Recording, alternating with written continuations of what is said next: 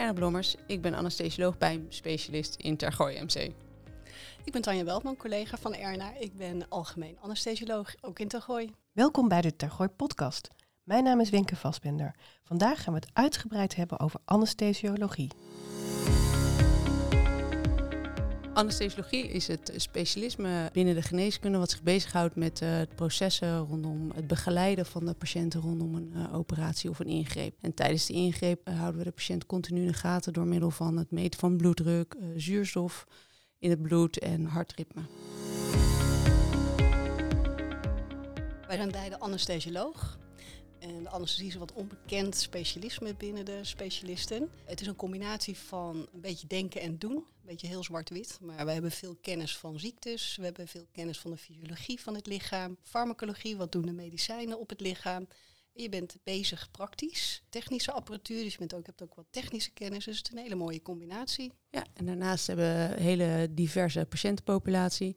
Je gaat echt van uh, jongs af aan, dus baby's, kinderen, jongvolwassenen, volwassenen en kwetsbare ouderen zie je voorbij komen. En uh, die reageren allemaal weer anders op narcose. En dat maakt het werk heel erg afwisselend. Gek woord eigenlijk, anesthesiologie. Waar komt het woord vandaan?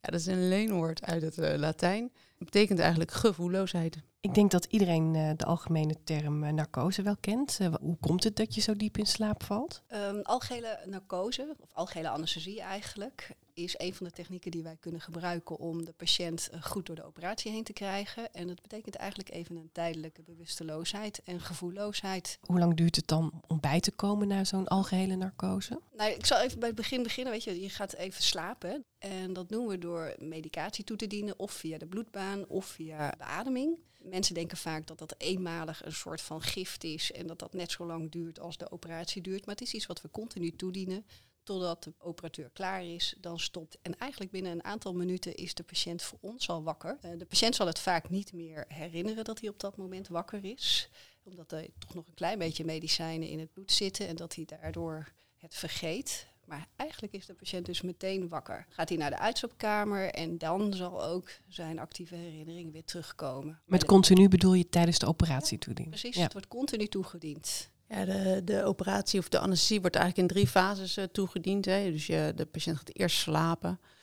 en dan wordt de patiënt geopereerd. Het is een soort van onderhoud. En op het moment dat de chirurg klaar is, dan zet je eigenlijk alle narcose weer uit en dan wordt de patiënt weer wakker. Je hoort vaak dat uh, de narcose nog lang in je lijf uh, blijft zitten. Is dat ook echt zo? Ja, dat is een beetje de definitie van lang. Maar zeg maar, als je echt zou meten in het bloed naar afvalstofjes van de medicatie, dan zal je dat een aantal dagen tegenkomen. Maar het heeft geen effect. He, je hebt er geen last van.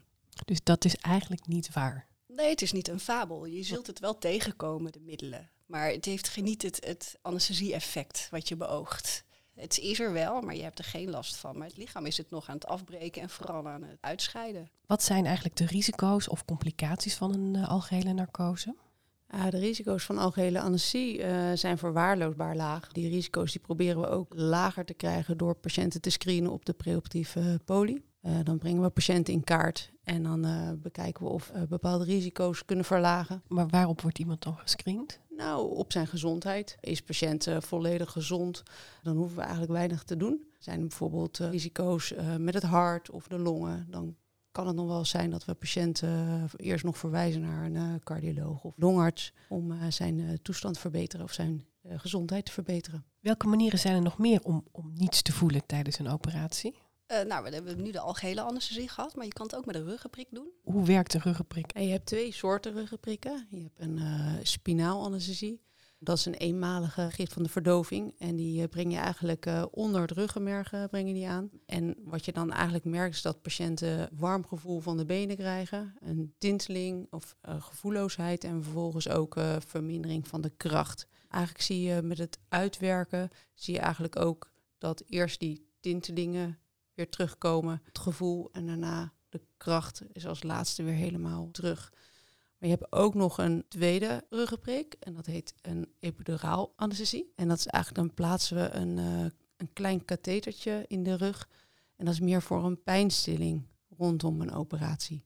Dat is ook bijvoorbeeld de ruggenprik die wij vaak plaatsen bij zwangeren die aan het bevallen zijn. En via dat kathetertje gaat eigenlijk een continue pijnstilling uh, wordt aangebracht. Als we die stopzetten, dan werkt dat ook gewoon weer uit. Maar daar heb je geen krachtsverlies bij van uh, de benen, maar vooral pijnstilling. En dan is het misschien heel dom dat ik dat vraag, want je hebt die kracht in je benen hard nodig tijdens een bevalling. Ja, met die epidurale anesthesie, dat slangetje in de rug, geef je met name, beïnvloed je het gevoel en niet zozeer de kracht.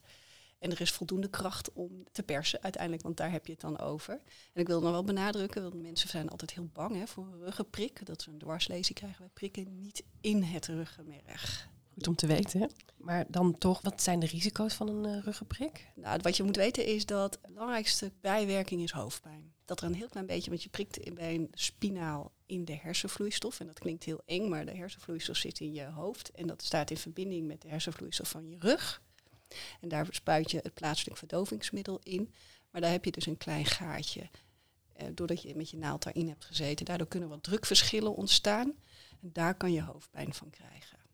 En dat is dan echt wel hele pittige hoofdpijn, maar wel iets wat vanzelf overgaat. Maar een heel klein gedeelte van de patiënten wil dat wel eens voorkomen. En dat weten ze ook van tevoren bij? Dat melden we. Ja. En lokale verdoving, is dat ook mogelijk? Het ligt er een beetje aan wat je bedoelt. Lokaal, wat ik eronder versta, is dat echt heel plaatselijk is. Dus als je bijvoorbeeld een wondje hebt en dat het gehecht wordt. Maar dat is iets wat in principe de operateur zelf doet. Daar heb je de anesthesist niet voor nodig. Uh, wat ook door mensen wel eens als lokaal gezien wordt, is als wij bijvoorbeeld arm of een been verdoven. En dat noemen we dan meer een zenuwblokkade. Dus dat kan ook. Kun je als uh, patiënt zelf ook eigenlijk nog kiezen wat voor soort uh, anesthesie wordt toegepast? Daar heb je zeker iets over te zeggen. het is wel afhankelijk van de te opereren plek, locatie.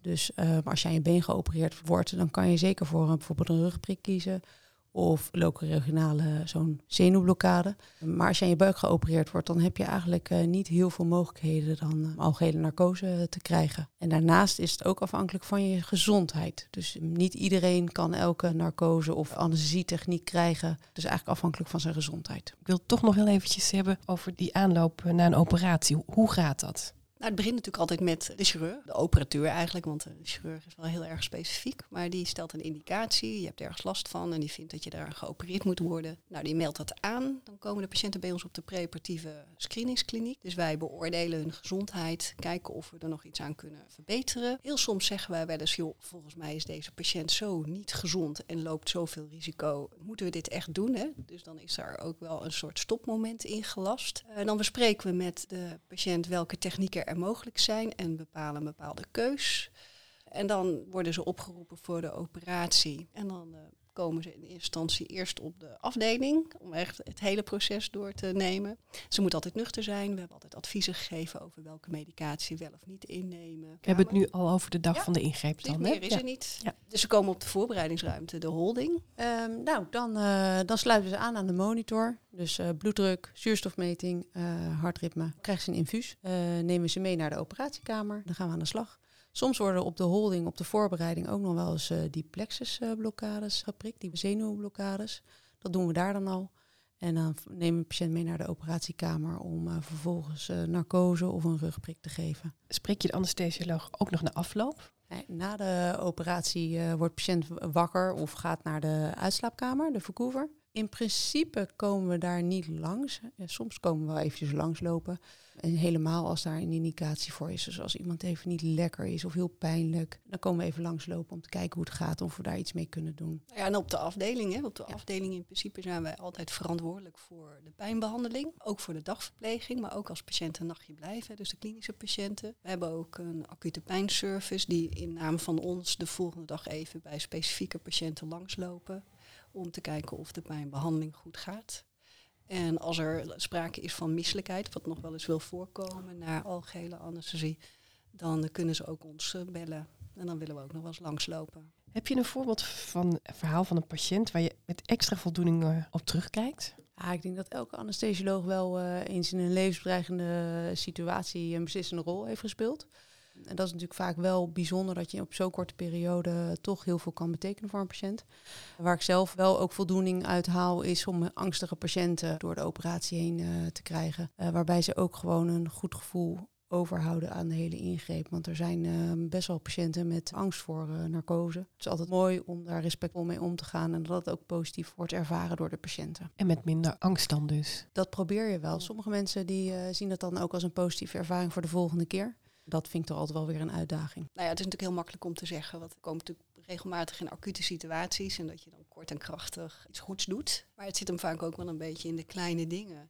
Vind zelf, wij doen bijvoorbeeld die ruggenprikken bij de bevalling. Het is niet altijd leuk om midden in de nacht zoiets te doen, maar effect is heel erg eh, zichtbaar in hele korte termijnen. Iemand komt in baringsnood, prikt een ruggenprik, geeft de medicatie en binnen 10 minuten heb je echt iets gedaan waar je het verschil in gemaakt hebt. De patiënt is pijnvrij en je hebt weer een ander mens voor je. Daar kan ik dan op dat moment wel voldoening uit halen. Ja, dat, dat kan ik me voorstellen. Met alle andere dingen zien wij niet zozeer zo'n effect. Nee, en eh, dat komt ook omdat wij natuurlijk niet langdurig de patiënten vervolgen. Dus we hebben eigenlijk altijd maar een korte periode contact met de patiënt. Dat is dan ook wel weer klaar. Dus. En ook maar heel kort bewust. Je ja. zit maar heel even wakker. Dus je hebt heel kort dat je even met de mensen praat voordat ze bijvoorbeeld de anesthesie krijgen of de ruggenprik. En dan gaan ze slapen. Ja, en dan heb jij wel contact, maar zij weten het niet. Kort maar krachtig. Uh, absoluut, dat is het ook. Ja. nou willen ze wel eens heel nou, denigerend zeggen, de je wordt anesthesioloog omdat je niet met de patiënt wil praten. Maar ik vind dat dat niet zo is, want juist het moment dat je de patiënten ziet, zijn wel heel belangrijk. Want je ziet ze in een heel stressvol moment. Cruciaal. Ja, de meeste mensen zijn natuurlijk heel gespannen voor een narcose of een ruggenprik.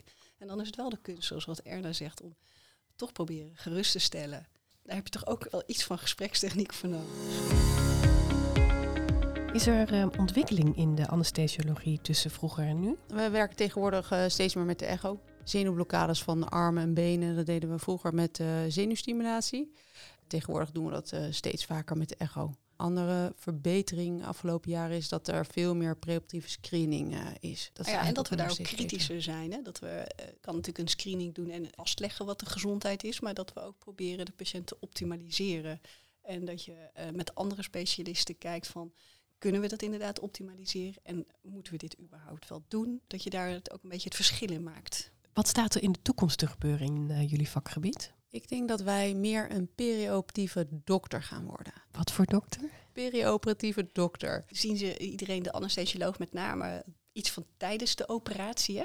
Nou ja, de afgelopen jaren zie je dat het preoperatieve traject, dus voor de operatie, dat dat belangrijk is geworden. Het, eh, het beoordelen, maar ook het optimaliseren, het beter maken. Dat er meer kans is dat de operatie en de patiënt het goed doen na de operatie. Maar je ziet ook dat er uh, sprake is van misschien is de anesthesioloog ook wel aangewezen om na de operatie visite mee te lopen en te kijken naar de bloeddruk, de hartslag. Want zijn toch wel een beetje de dokters die daar eh, relatief veel verstand van hebben. Dus dat, dat we net iets meer in beeld komen dan alleen dat stukje op de operatiekamer. En wat er nu al is van tevoren.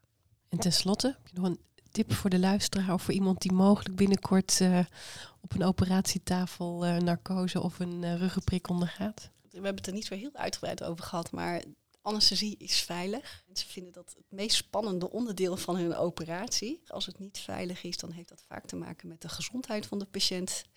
Het type ingreep, dat het bijvoorbeeld een hele grote operatie is, of de ziekte die de patiënt waar die aan geopereerd wordt. Maar dan zullen we dat ook bespreken. En wat ik ook wel nou ja, wil meegeven, is dat de anesthesioloog niet om onszelf maar heel erg een schouderklopje te geven, toch ook wel een wezenlijke rol speelt. Het is een vrij ondergesneeuwd specialisme. Mensen kennen het niet, weten niet dat we ook dokter zijn, maar dat we toch ook wel een rol spelen in dit proces. Een belangrijke rol. Ja. Nou, dat schouderklopje, dat mogen jullie zeker jezelf uh, geven. Want ik weet zeker dat na het luisteren van deze podcast uh, toch alweer een stukje meer bekend is over jullie mooie vak anesthesiologie. Enorm bedankt voor dit interview en uh, ik weet zeker uh, dat de mensen in goede handen zijn bij jullie. Ja, Dankjewel. Dank U luisterde naar een aflevering van de Tergooi podcast. We hebben nog veel meer afleveringen gemaakt. Bent u benieuwd? Ga dan naar tergooi.nl slash podcast.